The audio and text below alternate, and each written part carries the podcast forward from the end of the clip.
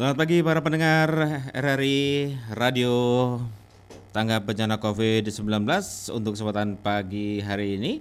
Menyenangkan sekali saya Pian Alwansyah bisa bersama Anda hingga nanti pukul 9 waktu Indonesia Barat dalam dialog pagi dan dialog pagi pada kesempatan pagi hari ini kita akan membahas terkait dengan topik utama kita belajar di rumah bagi siswa difabel.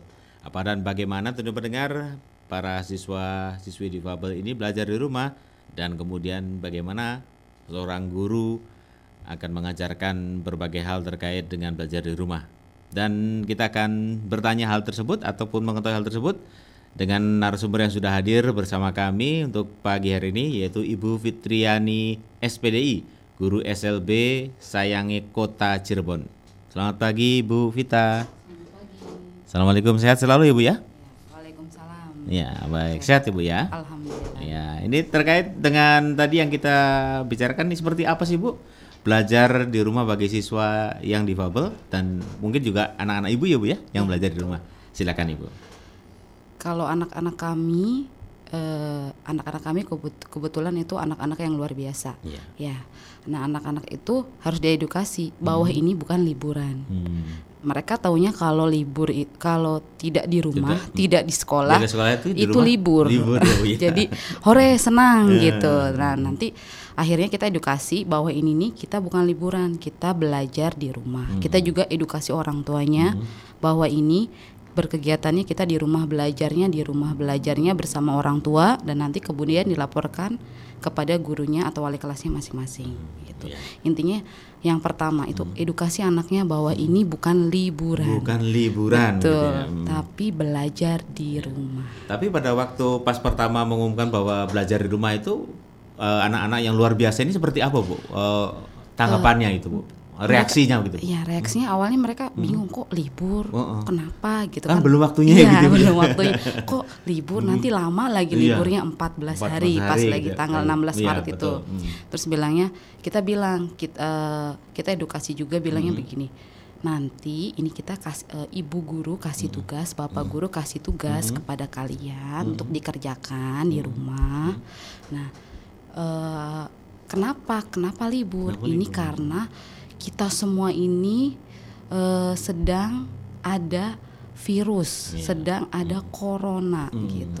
Apa kan mereka nggak paham Ya, juga betul ya. corona itu Apa apa, gitu gitu ya? kan. Hmm. Corona itu bisa menyebabkan sakit. Kita sem- kita eh, kita berusaha menyederhanakan Iya. bahasanya, ya Bahasanya kita ya, tuh- Bu, ya. itu sakit bisa batuk flu nanti itu kalau kita sakit semua bisa kena gitu jadi di rumah sekarang belajar di rumah tidak boleh kumpul-kumpul tidak boleh rame-rame jadi semua itu harus belajarnya di rumah beribadah di rumah dan kerja di rumah bilangnya begitu jadi intinya edukasi anak-anaknya bahwa ini bukan liburan Ya. gitu Intinya begitu ya Bu ya. Iya, Jadi betul. dan ini memang eh, sesuatu hal yang baru barangkali Baru, Bu ya. betul, barangkali selama- baru selama Ibu mungkin ngajar juga. betul selama saya mengajar Iya, ini iya. baru kejadian nih hampir Baru mau kejadian. satu bulan Oh, ya satu bulan ya Bu ya. betul.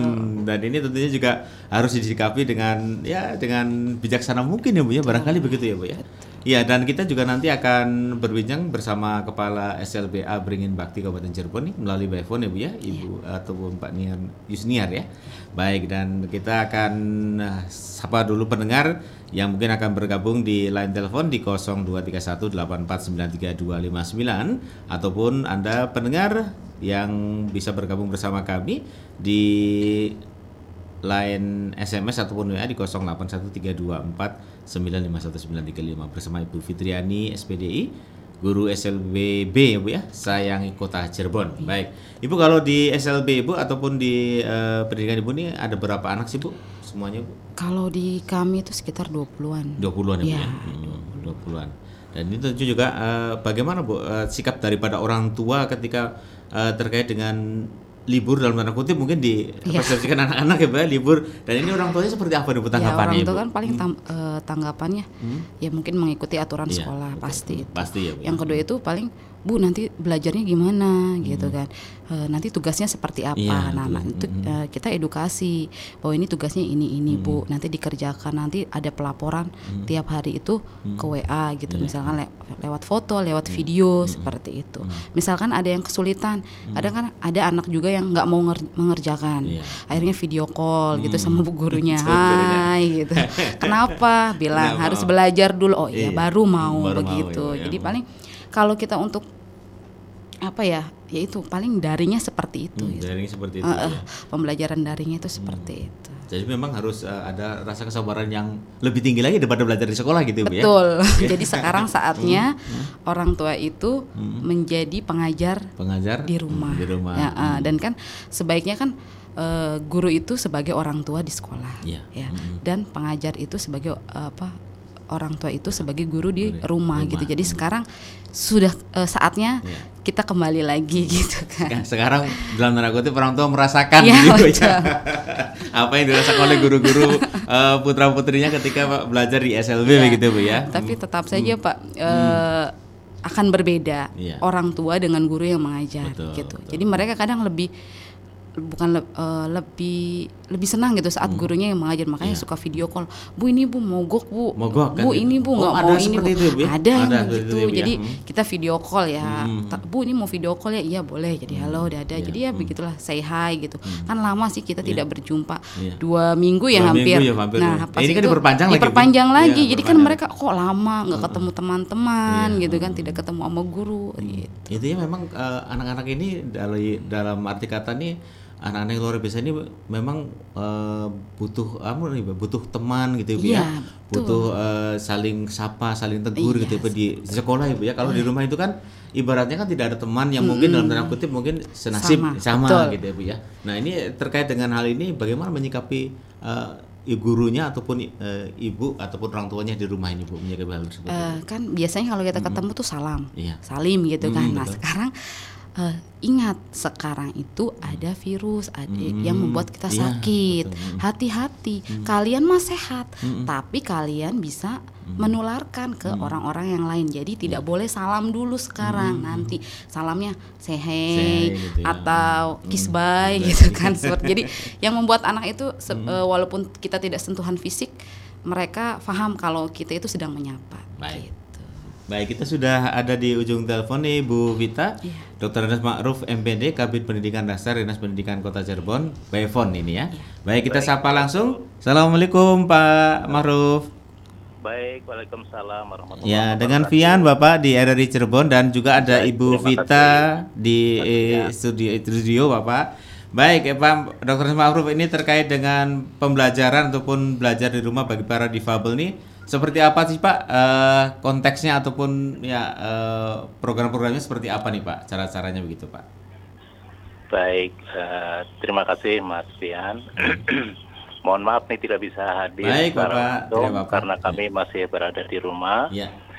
Nah, untuk belajar di rumah, baik anak-anak difabel maupun Hmm. anak-anak yang biasa ya siswa-siswa pada umumnya, sebenarnya yang ditekankan pemerintah itu eh, tidak terlalu standar seperti halnya eh, proses standar proses yang normal ya. Iya. Artinya dalam hal ini bagaimana anak-anak bisa intinya adalah bisa diam di rumah bersama keluarga. Nah, keluarga inilah yang berperan memberikan aktivitas kepada anak dalam rangka proses belajar di rumah ini. Demikian juga dari Kementerian Pendidikan itu tidak terlalu menekankan bagaimana target kurikulum ya, target kurikulum yang sudah diprogramkan itu sesuai dengan kondisi pada saat ini. Artinya hal-hal yang perlu diperhatikan. Pertama anak yang penting bisa berkumpul di rumah. Yang keduanya eh, orang tua, orang tua siswa yang bersama dengan anak-anak tersebut memantau bagaimana anak-anak bisa melakukan pembelajaran. Pembelajaran tidak selalu harus seperti di sekolah ya. tidak selalu harus seperti di sekolah, tapi bagaimana bagaimana anak itu bisa belajar pendalaman agama, melakukan ibadah bersama dengan keluarga, kemudian hal-hal lain yang terkait dengan kreativitas anak dalam rangka membantu orang tua itu pun pembelajaran menurut saya. Jadi eh, kondisinya mungkin sama ya.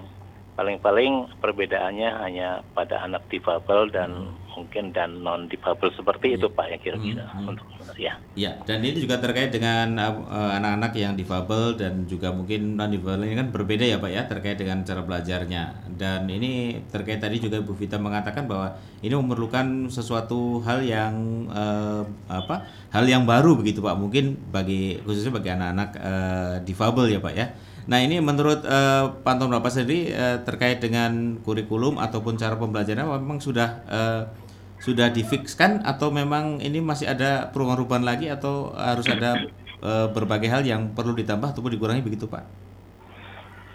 Nah untuk kurikulum yang selama hmm. belajar di rumah ini uh, menurut kami itu tidak distandarkan Pak, hmm. paling-paling hanya himbauan yeah.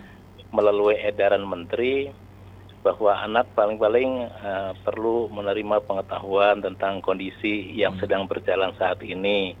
Dalam hal ini pengetahuan tentang bagaimana menyikapi hmm. COVID-19 uh, untuk uh, anak-anak. Hmm. Kemudian memperjelas bagaimana uh, kenapa gitu mereka tidak boleh belajar di sekolah, tidak boleh berkumpul dan sebagainya. Jadi secara secara formal kurikulum itu tidak tidak distandarkan ya, hmm. tidak ditetapkan secara khusus, hmm. tapi hanya bagaimana belajar di rumah itu mengikuti situasi dan kondisi yang sedang berjalan ini, Pak. Hmm. Ya, barangkali nanti Bu Vita juga mau bertanya ke Pak Kabit Pendidikan Ibu, silakan nanti baik, Bu ya, baik. silakan ya, nanti Bu Vita juga mau bertanya barangkali ya Pak ya. Ya, bukan hanya saja uh, saya yang bertanya nanti Ibu Vita juga barangkali ada sesuatu yang ingin ditanyakan silakan Bu. Langsung saja ke Bu, uh, Pak Kabin Ibu ya. Baik. Iya. Ya dan terkait ini Pak uh, orang tua ini dan terkait dengan situasi dan kondisi seperti ini nih Pak uh, terkait dengan merebaknya COVID-19 ini Pak. Dan ini kan memang uh, belum uh, belum ada waktu tertentu ya Pak ya untuk kapan kembali ke sekolah dan tentunya juga iya. uh, terkait dengan uh, situasi yang mungkin berbeda yang dialami oleh anak-anak didik kita nih Pak. Seperti iya, apa sih iya. Pak yang uh, pengertiannya seperti apa nih Pak? Harus belajar di rumah itu kan menurut Ibu Vita tadi memang mengatakan agak sedikit susah begitu Pak. Kalau tahunya bahwa anak-anak yang luar biasa yang difabel yang luar biasa ini bahwa mereka di rumah itu adalah libur begitu Pak. Nah ini menurut uh, Bapak sendiri seperti apa nih Pak yang harus dilakukan oleh guru ataupun orang tua nih Pak? Uh, jadi memang tidak dapat dihindari ya hmm. pemahaman-pemahaman anak uh, terhadap situasi dan kondisi yang sedang berlangsung sekarang ini. Iya. Hmm. Situasi dan kondisinya memang tidak kita rencanakan ya sebelumnya iya, ya. Hmm. Artinya kalaulah mereka menganggap libur hmm. atau seperti apa sih sebenarnya belajar di rumah, hmm. itu memang uh, perlu perlu penjelasan. Hmm. Perlu penjelasan pertama dari guru jika memang mereka menggunakan media sosial hmm. ya. Hmm. Yang keduanya dari orang tua itu sendiri. Hmm. Jadi libur itu tidak seperti libur yang sudah direncanakan hmm. seperti libur semesteran dan sebagainya. Hmm. Tapi ya itu memang tanggung jawab keluarga ya. Hmm.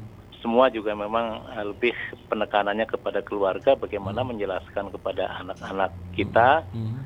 selaku anak-anak didik itu hmm. melakukan pembelajaran di rumah. Hmm. Dan uh, saya tekankan sekali lagi tidak terlalu fokus kepada materi-materi yang sudah ditetapkan di dalam kurikulum ya. Hmm. Artinya segala sesuatunya memang sudah uh, di luar standar proses saja Pak ya. Iya. Hmm. Tapi ada beberapa orang tua yang mengeluhkan nih Pak terkait dengan uh, belajar di rumah begitu ya Pak ya, karena mungkin banyaknya iya. tugas-tugas dari anak-anak uh, mereka sementara uh, orang tuanya masih saja bekerja di luar rumah begitu Pak. Nah ini ini kan menjadi suatu problematik sendiri gitu Pak terkait hal tersebut. Nah bagaimana Bapak menyikapi hal tersebut nih Pak? Ataupun ya uh, contohnya seperti apa gitu Pak yang harus disikapinya Pak? Hmm. Ada sekolah-sekolah yang memiliki inisiatif Pak untuk hmm. keliling ke beberapa rumah Pak hmm. untuk memantau hmm. bagaimana uh, anak didik ini melak melaksanakan pembelajaran ya. Hmm.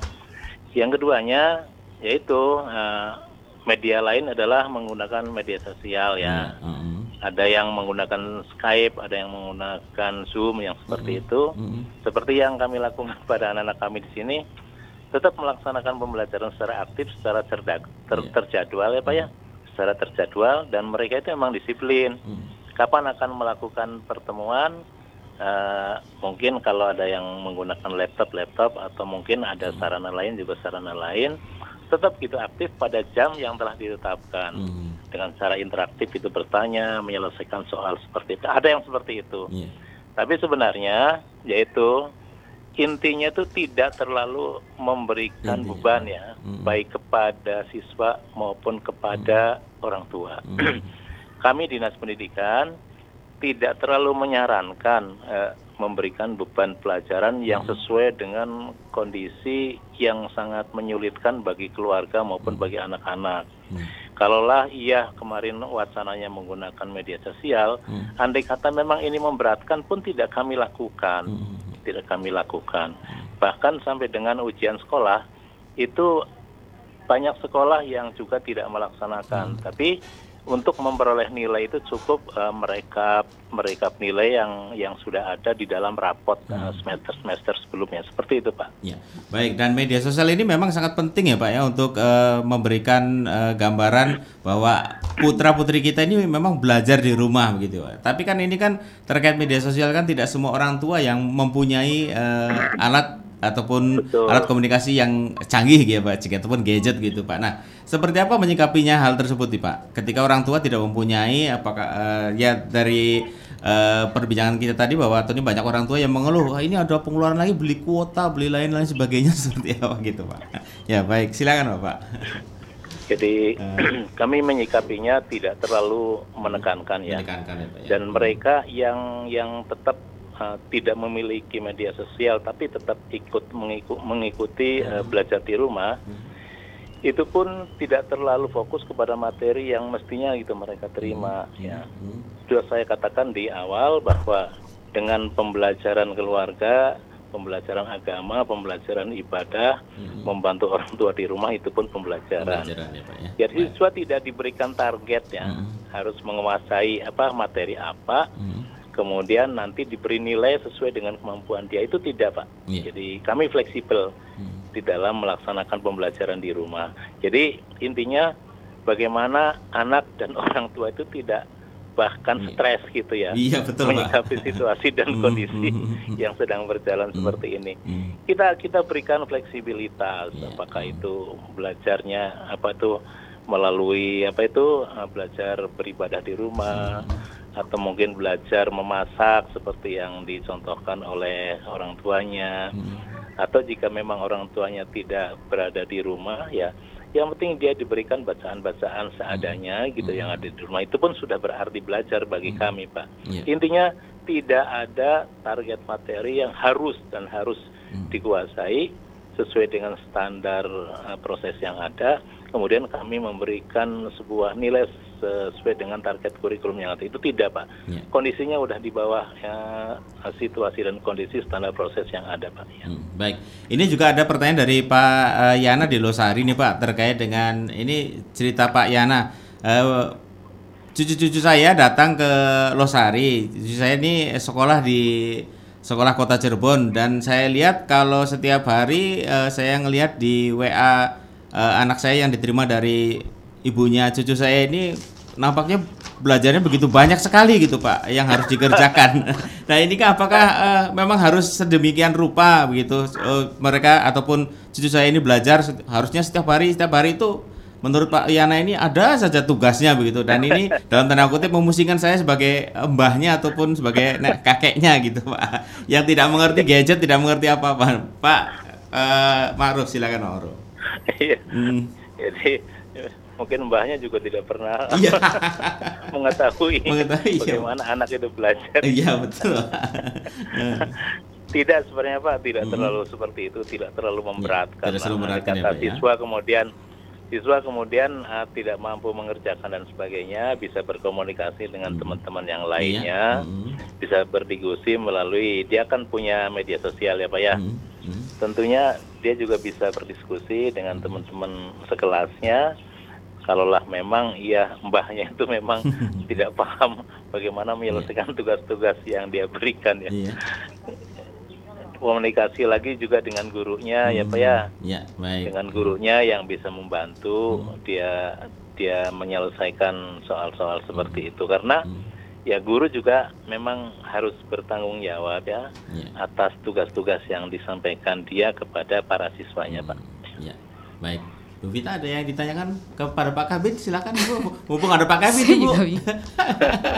Barangkali ada kesulitan Kalau- kesulitan. Ya, silakan Ibu Vita. Eh, selamat pagi Pak, assalamualaikum. Selamat pagi Bu Iya. Vita ya. Enggak, kalau saya hanya ingin menanyakan begini Pak, kan Hmm. kita ujian dibatalkan semua, ujian sekolah juga dibatalkan. Betul, Untuk penilaian pun kita juga menggunakan nilai rapot ya, Hmm. nilai. Nah, eh, yang membingungkan saya itu, misalkan kan, misalkan anak baru masuk kan kelas 1 itu semester 1 ya.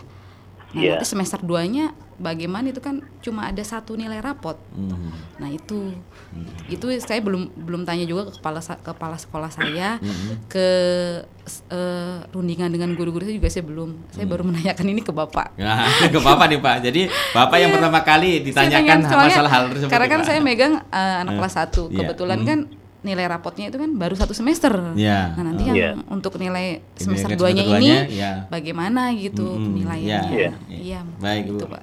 Silakan. Ibu mengajar di sekolah dasar Bu? Iya sekolah dasar. Hmm. Di sekolah dasar ya. Mengajar kelas 1 ya Bu ya. Iya, Ya, yang baru berjalan itu satu semester ya Bu ya. betul.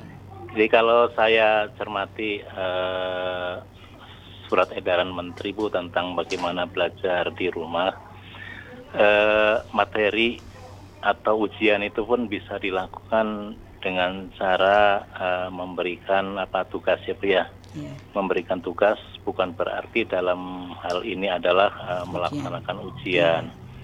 Kemarin kita pernah dengar bagaimana ujian itu bisa dilakukan dengan menggunakan portofolio ya Bu ya. Iya. Saya betul. sendiri belum pernah membedah apa sih itu sebenarnya yang dimaksud dengan portofolio. Tapi bagaimanapun yang dilakukan ibu untuk melakukan evaluasi dengan cara apa pun, sebenarnya itu sudah dapat uh, untuk uh, memberikan standar nilai kepada siswa. Misalnya ibu membutuhkan uh, nilai dalam satu semester anak itu uh, harus menguasai apa. Ya mungkin bisa sih apalagi kelas 1 itu ya mungkin uh, dengan materi-materi yang sifatnya sederhana pun bisa dijadikan sebagai bahan penilaian menurut saya Bu. Iya. Artinya yang penting pada saat nanti itu anak memiliki nilai ya dengan standar yang diberikan oleh gurunya. Iya. Seperti itu Bu. Ya, Ya menurut saya ya. Ya, Baik. terima kasih Pak. Baik. Baik, baik. Baik Pak Makruf, apa ada yang ingin disampaikan untuk kesempatan pagi hari ini Pak terkait dengan belajar di rumah bagi para difabel ini Pak dan termasuk juga mungkin pesan kepada guru-guru eh, anak-anak yang luar biasa ini difabel ini Pak di Kota Cirebon. Silakan Pak Makruf. Baik, yang ingin saya sampaikan pertama kepada para guru ya, artinya secara umum guru eh, memiliki tugas eh, sebagai tetap sebagai guru. Namun demikian dalam rangka melaksanakan belajar di rumah ini hendaknya tidak terlalu memaksakan kondisi yang sulit ya. Artinya begini, jika memang ia harus menggunakan media sosial, gunakanlah media sosial yang sekiranya banyak dimiliki oleh eh, para siswa. Jika ia memang siswa sampai tidak memiliki sarana gitu untuk eh, menghidupkan media sosial, itu pun dengan cara lain yang sekiranya tidak terlalu membebani baik siswa maupun orang tua. Yang keduanya kepada para siswa. Siswa dengan cara belajar apa pun itu sudah kami anggap sebagai belajar di rumah. Belajar di rumah dan guru pun mungkin akan menerima apa yang sekiranya dilaksa, dilakukan oleh para siswa di rumah. Dan semua berjalan tidak eh, seperti standar proses sebagaimana ditetapkan di dalam delapan standar pembelajaran tersebut. Baik. Seperti itu mungkin Pak ya. Baik. Terima kasih. Pak Dr. Asma Afruf, MPD Kabit Pendidikan Dasar Dinas Pendidikan Kota Cirebon. Terima kasih sudah bersama kami Bapak di kesempatan pagi hari ini dan terima kasih waktunya sudah berbincang bersama eh, kita di sini ya Pak ya. Baik. Baik. Terima kasih dan sampai jumpa Bapak. Sama-sama. Assalamualaikum. Waalaikumsalam warahmatullahi wabarakatuh. Baik, dan pendengar demikian tadi saya ataupun kami sudah berbincang bersama Dr. Udas Ma'ruf MPD, Kabit Pendidikan Dasar Dinas Pendidikan Kota Cirebon untuk kesempatan pagi hari ini by phone.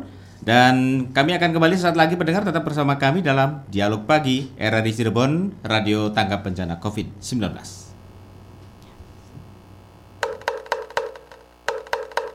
RRI Radio Tanggap Bencana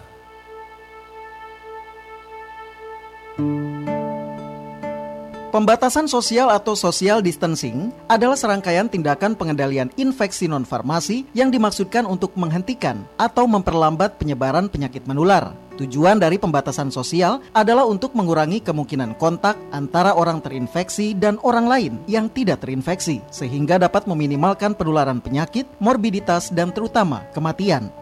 Berikut himbauan dari Sekretaris Jenderal Kementerian Komunikasi dan Informatika Republik Indonesia, Rosarita Niken Widyastuti, terkait pengendalian penyebaran COVID-19. Tentunya kami menghimbau kepada masyarakat untuk yang pertama menjaga kebersihan kita, khususnya menjaga tangan kita selalu bersih. Kalau bisa kita membawa tisu basah atau hand sanitizer itu yang kecil, kita menghindari kontak langsung dengan salaman atau cipika-cipiki begitu itu. Jadi kita hindarkan. Kemudian juga diupayakan tidak berkerumun di tempat-tempat yang banyak banyak sekali orang, keramaian pertunjukan rakyat dan lain sebagainya. Tentunya keluarga kita juga kita jaga semua kebersihannya itu nomor satu dan tidak memegang-megang tangan kita ke wajah kita misalnya menggaruk-garuk mata, hidung dan lain sebagainya karena tangan kita ini kan ah, misalnya memegang uang karena sudah berpindah-pindah puluhan atau ribuan tangan bukan tidak mungkin di dalam uang itu juga ada virusnya. Jadi sekarang ini kita perlu berhati berhati-hati misalnya menerima kembalian yang uang itu kita melindungi diri kita lah intinya seperti itu.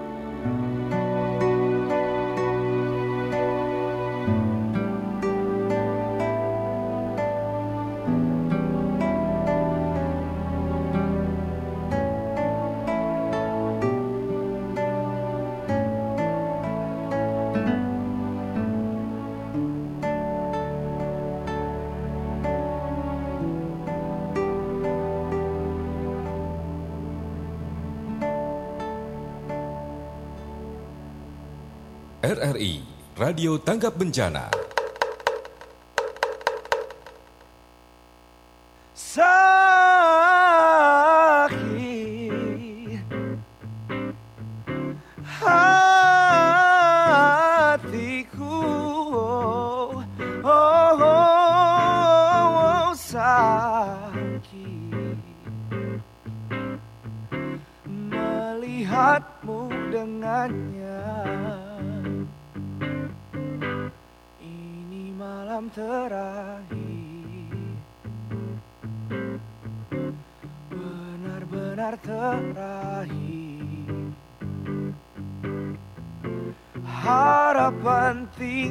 Jatuh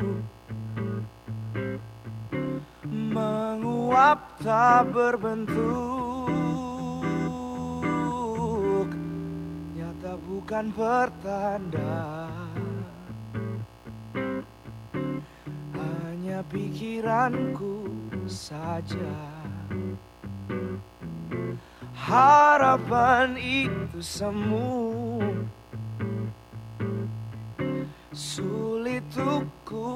percaya. Sampai akhirnya ku lihat sendiri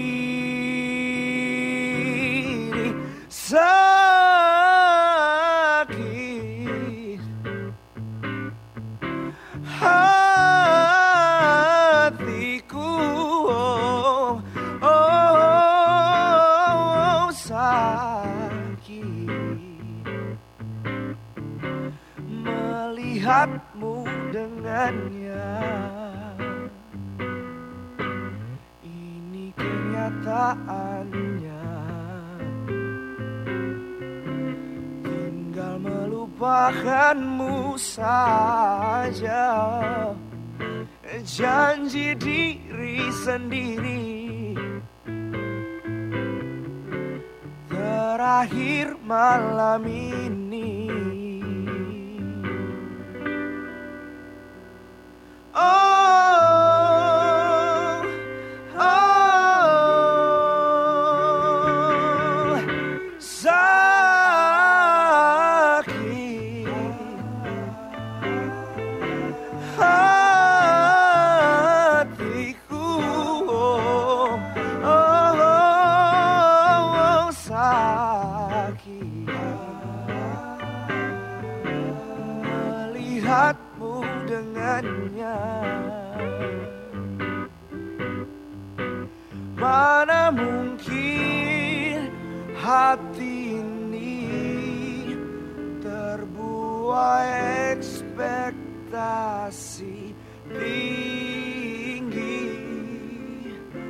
jika tak berawal indah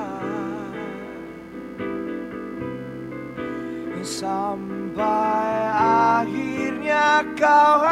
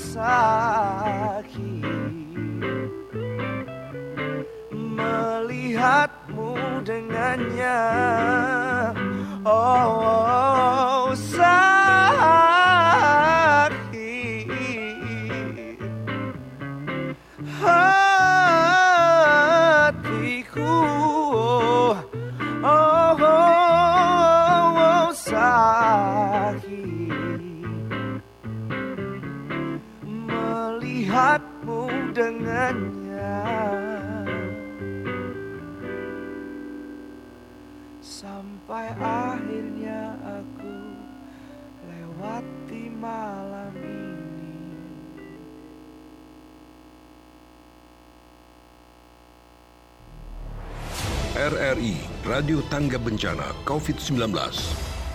Baik pendengar Anda masih bersama kami RRI Cirebon Radio Tangga Bencana COVID-19 dan masih bersama saya Pian Alwansa didampingi pengarah teknik Lela Nurlela dan juga pengarah acara Bung Paidi dan masih bersama kami dalam dialog pagi terkait dengan topik utama kita pada pagi hari ini yaitu ya belajar di rumah bagi para difabel dan tentunya masih bersama Ibu Vita Fitriani SPD, guru SLWB Sayangi Kota Cirebon. Baik, dan kita juga sudah bersama Ibu Nia Yusniar, Kepala SLBA Tunanetra Beringin Bakti Kabupaten Cirebon. Assalamualaikum, selamat pagi Ibu Nia. Selamat pagi, selalu sehat dan bahagia. Selalu sehat dan bahagia Ibu ya, terima kasih. Iya. Dan di studio juga udah hadir Ibu Vita Fitriani, Ibu. Oh iya. Ya. Bu. Kenal ya Bu Ayo, ya? Assalamualaikum. Kenal. Kenal ya, Bu, Halo, ya. Waalaikum. Ya. Baik, dan ini terkait dengan cara belajar eh, para siswa difabel ini seperti apa sih Bu di sekolahan Ibu ataupun di SLB Ibu yang pimpin ini Bu? Silakan Ibu. Iya. Halo, Assalamualaikum warahmatullahi wabarakatuh. Wabarakatuh. Eh, program di SLBA sesuai dengan arahan yang diberikan Hmm. oleh eh, KCD wilayah 10 dan juga dari Dinas Provinsi bahwa anak-anak sekarang belajar di rumah termasuk Hmm. juga SLBA. Betul. Nah, itu eh, pelajarannya kita tetap memantau eh, dan diberikan oleh guru-guru Hmm. kelas eh, tetapi apa yang diberikan oleh guru-guru harus tetap dilaporkan. Hmm. Kebetulan eh, dilaporkan oleh orang tua dan siswa. Hmm. Kebetulan yang di SLBA YPB ada sebagian yang di rumah, ada sebagian lagi yang di asrama. Hmm. Kalau yang di rumah mungkin tidak jadi masalah karena tetap dipantau oleh orang tua dan melaporkan langsung melalui WA atau Hmm. ya gitu ya. Nah, Iya. yang di asrama tetap kita pantau Hmm. oleh guru yang berada di asrama. Iya. Itu. Ya. Jadi, mm-mm. jadi pelajaran tetap diberikan melalui eh, media WA gitu ya. Hmm. Hmm. Nanti dilaporkan lagi hasilnya eh, itu melalui WA. Iya. Bisa berupa foto, bisa berupa video. Ya. Dan hasilnya itu tetap harus dilaporkan ke pengawas pembina dan juga ke KCD gitu. Ini Iya. kan terkait dengan eh, belajar di rumah ya Bu ya ataupun Iya. sekarang ini menurut Ibu tadi ada yang eh, di asrama begitu ya Bu ya. Betul, Nah, iya. terkait dengan hal ini mereka menggunakan alat apa nih Bu dengan keterbatasan Nah. mereka itu Bu? Iya. Hmm. Kalau yang di SLBA, alhamdulillah mereka Hmm. sudah pandai IT, mereka Hmm. sudah punya laptop gitu ya. Hmm. Nah itu kemudian juga apa eh, Android juga mereka punya dan Hmm. mereka sudah ahli memakainya Hmm. karena ada aplikasi yang bisa dipakai oleh eh, menunjang eh, apa mereka gitu. Iya. Jadi eh, bisa melaporkan eh, misalnya harus mengirimkan eh, apa hasilnya mereka bisa Hmm. me-WA kan gitu kepada guru masing-masing. Kalau video ya pasti ada yang memvideokan dan kita minta tolong kepada apa pengurus asrama untuk bisa memvideokan kegiatan mereka. Kita Hmm. bekerja sama dengan pihak asrama juga. Mm, Ya, tadi dikatakan juga ada yang eh, sebagian masih ada di eh, asrama begitu Bu ya, dan ini kan Iya. terkait dengan anak-anak eh, tidak seharuskah mereka pulang ke rumah masing-masing atau seperti apa nih Bu? Mereka Ah. tinggal di asrama itu Bu. Iya, Mm, kita punya kebijakan khususnya Mm-mm. SLBA Iya. karena situasinya tidak memungkinkan ya. Mm-mm. Jadi mereka dikarantina saja sudah Dikarantina. di sana di asrama ya. mm, Eh, mereka tidak diperbolehkan pulang karena takutnya begini. Mm-mm. Ketika mereka pulang, kemudian tiba-tiba pengen ke asrama ada apalah gitu. mm, Nah, mereka membawa gitu ya walaupun Mm, mudah-mudahan iya. tidak. Jadi Mm-mm. kita punya kebijakan untuk tidak memulangkan mereka mm, gitu. Jadi terpantau semuanya pembelajarannya, Iya. kesehatannya gitu di- Iya. di asrama. Ada berapa anak nih Bu di eh, yang Ibu eh, apa yang ada di asrama ataupun ada di sekolahan ini Bu? Kalau Termasuk, mm. di SLBA itu Hmm. ada 21 siswa. 21 siswa SLBA, itu ya? Iya, Hmm. iya, Hmm. iya, iya. iya. Ya, Kalau di asrama sekitar 10 aku. Se- eh, sekitar sepuluhan berarti yang eh, separuhnya ini mereka sudah pulang ke rumah gitu ya Bu ya? Ah, Iya, ah, ah, iya, Hmm, iya, hmm. iya, iya. Dan ini terkait dengan pulang ke rumah kan mereka aslinya belajar di rumah begitu Bu. Ada komplain Betul. ataupun ada keluhan dari para orang tuanya begitu Bu terkait belajar di rumah? Iya, banyak Banyak banget. ya, Bu, ya. Mereka kayaknya kerepotan deh Hmm, gitu kerepotan. ya. Seperti Eh, apa karena- kerepotan di mereka Bu? Apakah dalam IT-nya atau dalam Nah, apanya Bu? dari IT-nya juga, kemudian kan tidak semua orang, Orang tua, tua. bisa bisa Hmm. braille ya. Iya Nah, betul. Hmm. Nah, mereka juga meraka- merasa kesulitan untuk Hmm. mengajarkan anak-anaknya eh, braille-nya gitu kan. Iya. Tugas kadang ada anak yang belum bisa kan, anak Hmm. yang belum bisa braille gitu. Sedangkan pelaporan harus dalam bentuk seperti itu gitu. Hmm. Jadi ya agak repot karena mereka juga tidak mengurus anaknya yang satu. ada beberapa Ada anak yang beberapa lain anak ya. yang lain ya Bu Tugasnya ya. Hmm. agak repot gitu ya. Iya. Tapi sekarang ada aturan bahwa pembelajaran yang diberikan kepada siswa itu tidak memberatkan siswa. Hmm, Kemudian hmm. lebih berfokus pada penjagaan kesehatan Hmm. gitu ya yang Hmm. berkenaan dengan COVID-19 Hmm, gitu. Ya. Intinya daripada eh, anak-anak ini Ibu ya, ada yang juga Iya. ditanyakan Ibu kepada Ibu mungkin eh, dari jam berapa sampai jam berapa efektif anak didik mengerjakan tugas atau guru wali kelasnya di rumah nih Bu supaya orang tua Iya. tahu atau jam berapa eh, bisa memantau dan lain sebagainya nih Bu. Silakan Ibu. Dari Hmm. Kalau Bu Nining. iya iya. Hmm, Nining. Iya, mangga. Kalau pemberian tugas oleh guru bisa bisa di sore hari, kemudian Hmm. dikerjakan tugas oleh anaknya bisa di pagi hari, kemudian Hmm. langsung me- setelah selesai eh, apa melaporkan langsung kepada siswa. Kita tidak memberatkan harus lapornya Hmm, pada setelah jam berapa jam Hmm. berapa. Hmm. Iya, pada siswa siswa. Kalau yang di rumah kan yang melaporkannya pasti eh, orang tuanya ya, Iya. memvideokan segala macam. Yang pasti guru standby untuk eh, selalu menerima hasil siswa gitu. Hmm. Iya, karena kan kita perhitungannya tidak hanya satu siswa itu yang diperhatikan oleh orang tuanya, Iya, kan kayak itu. Nah, jadi ya eh, yang penting guru standby ketika orang tua melaporkan hasil siswa gitu atau siswa melaporkan kepada guru gitu. Hmm. Iya. Baik dan itu juga eh, suatu hal yang baru begitu Ibu ya seperti yang Iya. kita ngobrol sama Ibu Vita bahwa ini suatu Iya. hal yang baru Mas ketika eh, ada bencana ini ataupun ada eh, penyebaran COVID-19 ini anak-anak Iya. belajar di rumah gitu Ibu ya. Iya, iya, nah, iya, seperti betul. eh, pertama kali ketika di eh, rumahkan ini seperti apa sih Bu tanggapan mereka gitu Bu? Hmm, Kita kalau secara alami mungkin ya, ya. wah anak-anak seneng bu, kita Oh, seneng oh, sama berarti Bu ya. Sama dengan anak didiknya Ibu Vita nih seneng gitu ya Iya, pertamanya gitu Bu ya. banget. Hmm. Tapi ketika diberi tugas gini, wah Ah. kita tetap banyak tugas. Iya. Iya, alhamdulillah kalau misalnya anak SLBA yang Hmm. sudah yang sudah bisa menggunakan IT, kita kan eh, mempergunakan misalnya tugas-tugas yang harus mereka download dari internet gitu. Hmm. Ada yang seperti itu dan mereka juga bisa sudah bisa. Hmm, iya, baik. Intinya eh, mereka ini ketika pertama kali di rumah kan dalam tanda kutip mungkin ya, tadi ya Bu ya agak senang tapi juga ada sedikit Setelah senang itu, oh ternyata banyak tugas gitu ya Bu ya. dan juga merepotkan orang tua. Dan juga merepotkan. Nah ini orang tuanya seperti Iya. apa nih Bu? Mesti ah, mesti akan direpotkan juga kan Bu? Seperti Ibu katakan Iya, tadi bahwa tidak hanya mengurus iya, satu betul. anak itu aja kan gitu. Iya betul betul betul betul. Ya banyak sih eh, kita baca di WA juga Mm-mm. ada yang, yang mereka kadang-kadang tidak mengerti tugasnya apa kan gitu. Tapi wajar lah kan. mm. Eh, orang tua kadang-kadang tidak tahu apa yang ditugaskan oleh guru dan Hmm. itu satu satu tugas juga dari guru kita harus menjelaskan kepada orang tua Hmm. dan ada satu tugas yang memang harus dibuat oleh anak-anak yang harus mereka diskusikan dengan orang tua. Mhm. Ya intinya tentunya juga ini kan em, perlu penanganan khusus ya Bu ya ataupun juga Betul. perlu perhatian yang eh, serba khusus ya Bu ya dari eh, Betul, keterbatasan anak-anak yang eh, ada di rumah begitu ya. Nah Betul. terkait hal tersebut eh, bagaimana menjelaskan mereka ini terkait dengan eh, penyebaran COVID-19 yang merebak ke mana-mana Ibu Se- Oh. secara garis besarnya di sekolah SLBA ini Bu. Iya, kalau ah, bisa itu kan bisa eh, melalui WA. Mhm. Di awal di awal ketika libur juga Hmm. kita sudah menjelaskan apa itu COVID, bagaimana pencegahannya, Iya, apa yang terjadi betul. dan Hmm. akibatnya.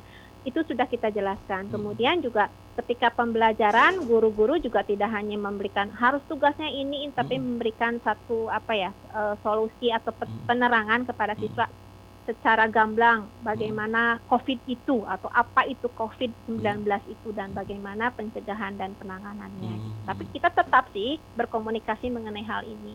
Biar mereka juga jangan jelalatan ke mana-mana gitu. Kebiasaan mencuci tangan dari mana harus selalu dilaksanakan, ganti baju ketika kita sudah keluar rumah harus ganti baju, tetap itu di, diingatkan oleh guru masing-masing. Baik, baik.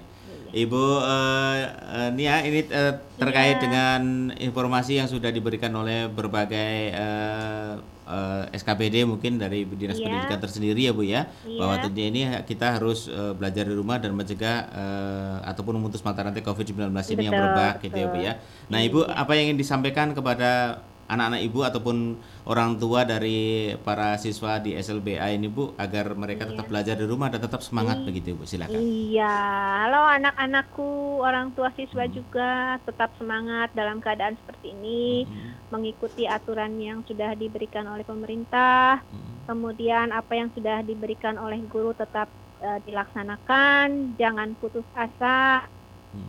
Ingat, eh, yang pasti eh, mudah-mudahan COVID-19 ini sudah apa menghilang dan terbang dari kita ya gitu saja.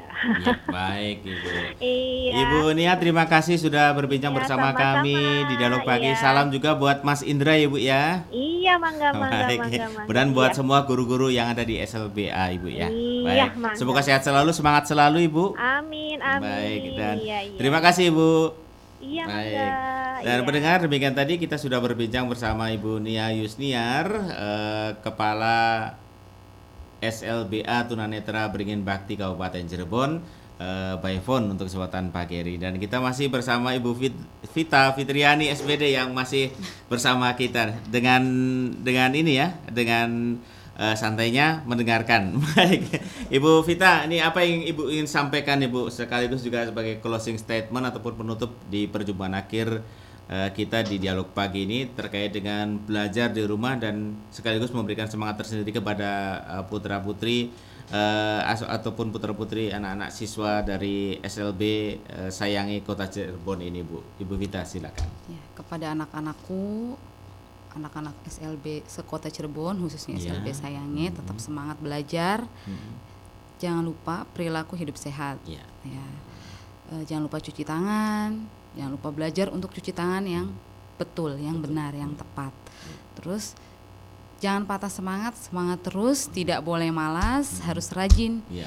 Rajin belajar di rumah. Iya. Ya, Dan sudah nanti ketemu saja. lagi sama Ya, ibu guru nanti tercinta gitu ya ketemu ya. lagi. Sabar ya. Sabar ya gitu ya.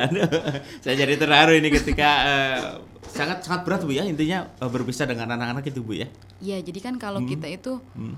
mainnya tuh main hat, main hat. Iya, Jadi apa ya? Jadi Iya, kita hmm. tuh udah ada hubungan tuh Mas, jadi hmm. bondingnya tuh. Hmm. Jadi misalkan Ada ikatan batin tersendiri Iya gitu jadi ya. tahu lah oh ini anak aduh udah lama ya nggak ketemu gitu. nanti ya Pasti ya, pas ya? iya pastilah sedih gitu Pasti pasti ada ada kangennya gitu ada rasa kan apalagi kita sedikit ya Iya, per mm. siswa itu paling empat atau lima. Jadi kan tahu karakter oh aduh kangen nih sama anak yang ini Iya. ya sama sama ini gitu. Jadi Ya. Sabar ya nanti kita ketemu lagi Baik, aduh, jadi saya terharu ini. Jadi memang begitu ya Ibu ya dan Ibu Vita ini semoga saja sehat selalu Ibu Vita ya Amin, dan terima bisa kasih. mengajarkan eh, segala kebaikan bagi eh, para siswa yang sangat luar biasa ini Ibu ya. Ya, betul. Dan semoga saja ini eh, merebaknya Covid-19 dengan doa dari para ibu guru, dari anak-anak kita yang tercinta ini semoga cepat eh, hilang dari eh, bumi Indonesia ini Ibu ya. Baik, pendengar terima kasih atas kebersamaan bersama kami dalam dialog pagi dengan topik utama kita belajar di rumah bagi siswa difabel dan sudah bersama Ibu Vita Fitriani SPDI guru SLB Sayangnya Kabupaten ataupun Kota Cirebon. Terima kasih Ibu Vita sudah berkenan hadir di RRI Cirebon pada pagi hari ini. Dan tadi kita sudah bersama Dr. Mahfud MPD Kabit Pendidikan Dasar Dinas Pendidikan Kota Cirebon by phone dan juga Ibu Nia Yusniar eh, guru eh, SLB oh eh, Kepala SLBA Tuna Netra Beringin Bakti Kabupaten Cirebon juga phone. Terima kasih pendengar atas kebersamaan bersama kami dalam dialog pagi dan sampai jumpa.